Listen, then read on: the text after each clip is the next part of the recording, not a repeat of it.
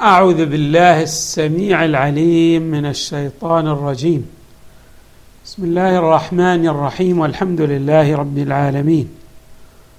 والصلاة والسلام على أشرف الخلق سيدنا ونبينا محمد وآله أجمعين الطيبين الطاهرين. قال الله تعالى في القرآن الكريم آمن الرسول بما أنزل إليه من ربه والمؤمنون. كل آمن بالله وملائكته وكتبه ورسله. لا نفرق بين أحد من رسله. وقالوا سمعنا وأطعنا غفرانك ربنا وإليك المصير. صدق الله العلي العظيم. هذه الآية المباركة تمثل تجسيدا حيا للإيمان الحقيقي. وبمعنى آخر أن الله تبارك وتعالى بعد أن قص علينا في سورة البقرة الإشكالات المتعددة للواقع الإيماني الذي عاشه اليهود بنو إسرائيل حيث إنهم تمردوا على أوامر الله ولم يطيعوا موسى عليه السلام فيما أمرهم. بين الحق تبارك وتعالى الإنموذج الكامل للطاعة. في شخصية النبي صلى الله عليه وآله ومن آمن معه من المخلصين. فإذا قوله تعالى آمن الرسول بما أنزل إليه من ربه والمؤمنون أي أن هناك من يجسد الإيمان الحق ويسير على وفق ما يطلبه الله تبارك وتعالى منه. وهو المصطفى صلى الله عليه وآله وثل من المؤمنين الذين آمنوا به وساروا على خطواته. هؤلاء يجسدون الإيمان الكامل. ونحن نعرف أن النبي صلى الله عليه وآله آمن بما أنزل إليه بمعنى لم يعتريه شك ولا ريب لأنه على تمام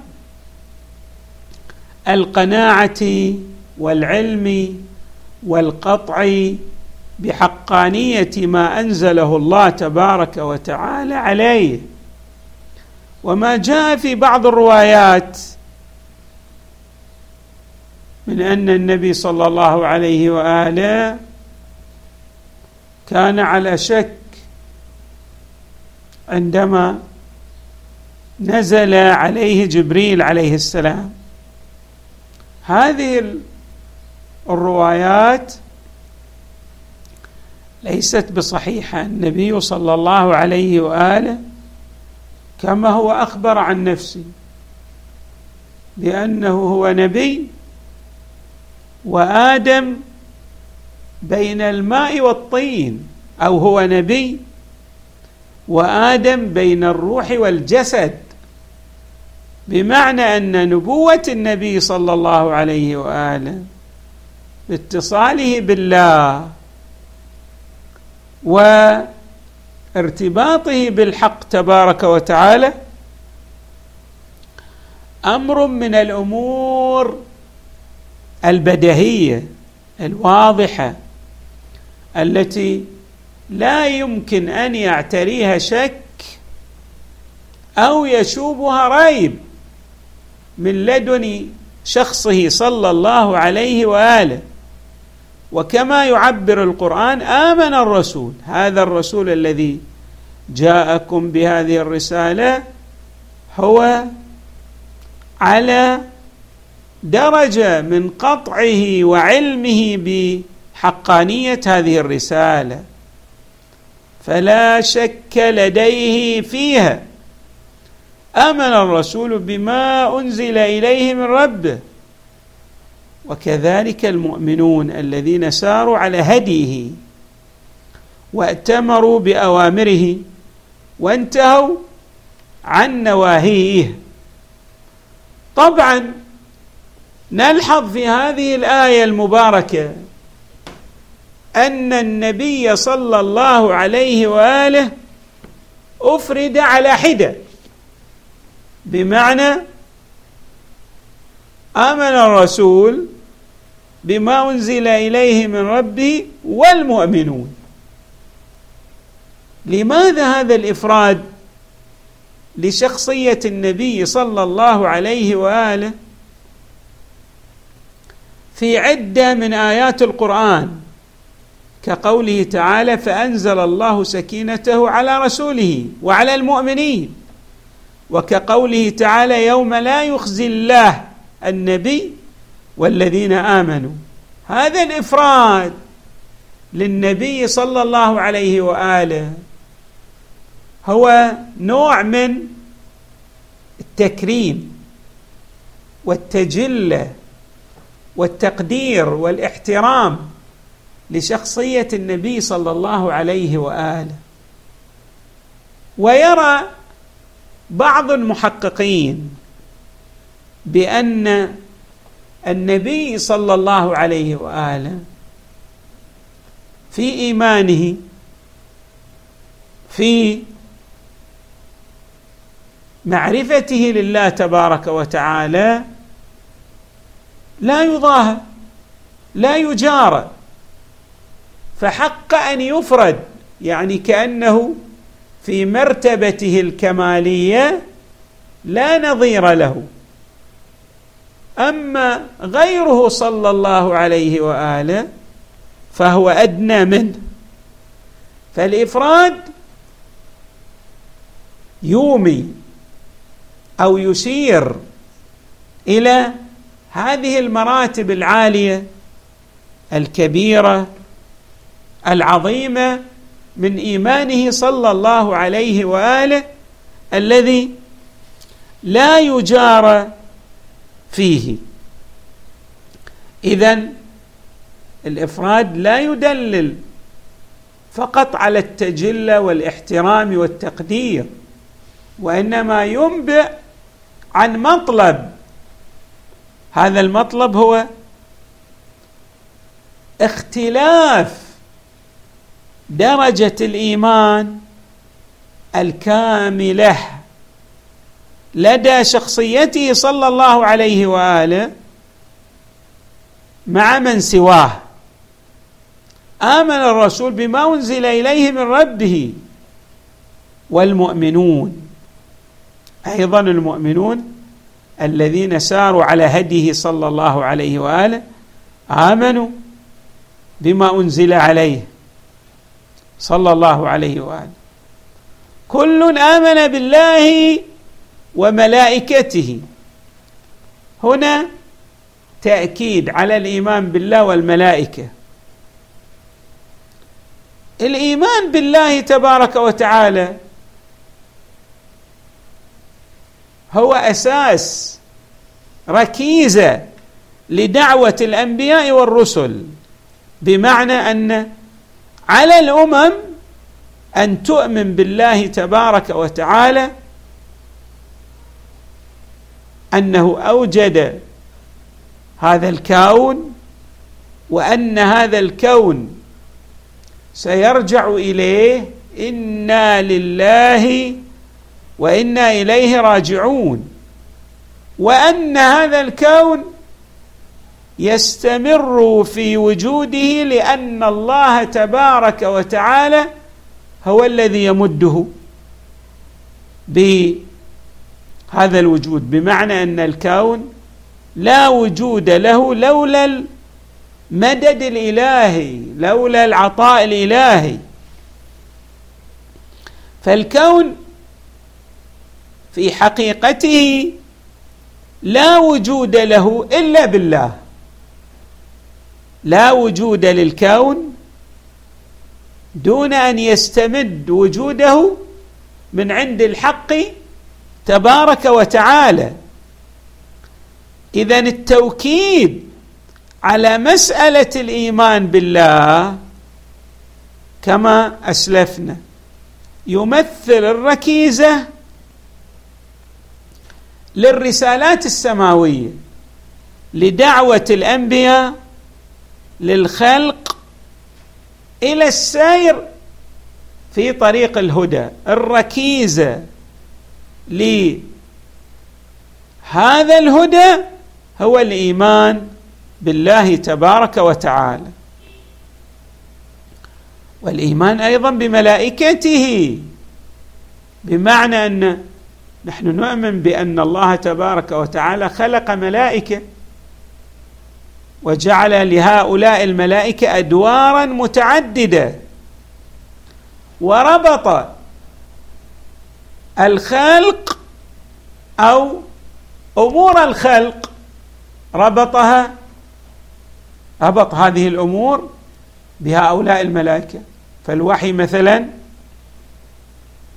جعل الأمين عليه جبريل عليه السلام. وكذلك مثلا جعل ملائكة وكلهم بقبض الأرواح وجعل سيدهم عزرائيل هو المسؤول عنهم. وهؤلاء الملائكة هم هم الذين ماذا؟ يتوفون الناس. ينزع الأرواح.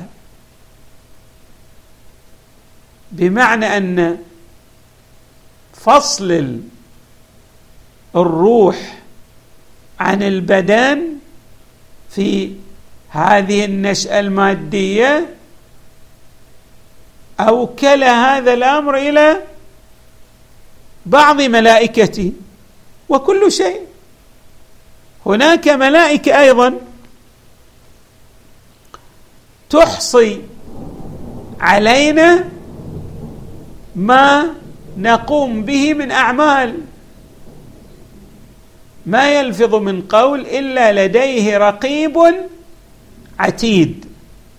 فإذا عندنا في كل شيء أو في كل أمر من الأمور هناك ملائكة. الملائكة لهم أدوار. في الرزق في الإحياء والإماتة. لهم أدوار. الله تبارك وعندما نقول إن لهم أدوار يعني هذه الأدوار ليست بالاستقلال وإنما الله تبارك وتعالى هو الذي أمكنهم من ذلك. لا قوة لهم إلا بالله. كما أن الله أعطى بعض أنبيائه بعض القدرات ولا قدرة لهؤلاء الأنبياء إلا بالله كإحياء الموتى وإبراء الأكمه والأبرص بالنسبة لعيسى كما فلق موسى مثلا البحر وكيف أن العصا تتحول إلى حية تسعى إبراهيم عليه السلام تتحول عليه النار بردا وسلاما كل هذه المعاجز والخصائص التي هي نعم في الحقيقة أنعمها الله تبارك وتعالى على أنبيائه ورسله. هي من عند الله وليست باستقلال من هؤلاء الأنبياء والرسل هم إنما تلقوا الفيض من عند الله تبارك وتعالى والله تبارك وتعالى أقدرهم مكنهم فيما مكنهم فيه وأقدرهم على ما أقدرهم عليه. ولا قوة لهم إلا بالله. اذا الإيمان بالله وكذلك الإيمان بوجود ملائكة لهم أدوار بإذن الله في شأن الخلق في شأن عالم الوجود. هذا من المسلمات لدينا كما جاء به القرآن الكريم. كذلك نؤمن بوجود كتب سماوية من مقتضيات الإيمان أننا نؤمن بوجود كتب. أنزلها الله تبارك وتعالى لتمثل القوانين التي يريد للخلق أن يسيروا على وفقها للوصول إليه. ولهذا آمن الرسول بما أنزل إليه من ربه بما أنزل إليه من ربه والمؤمنون كل آمن بالله وملائكته وكتبه. وكتبه الكتب التي أنزلت أيضا للمؤمنين أو على المؤمنين أن يؤمنوا بها. أن يؤمنوا بها. لا يقول أنا لا أؤمن بما أنزله الله على أنبيائه أو أن عقلي وحده يحقق لي الكفاية. لا بد أن يؤمن المؤمن بهذه الكتب التي أنزلها الله تبارك وتعالى على أنبيائه كقوانين لإيصال الخلق إلى الحق تبارك وتعالى. وسيأتينا التتمه في ما يتعلق بهذه الآية الكريمة والمباركة والحمد لله رب العالمين وصلى الله وسلم وزاد وبارك على سيدنا ونبينا محمد وآله أجمعين الطيبين الطاهرين.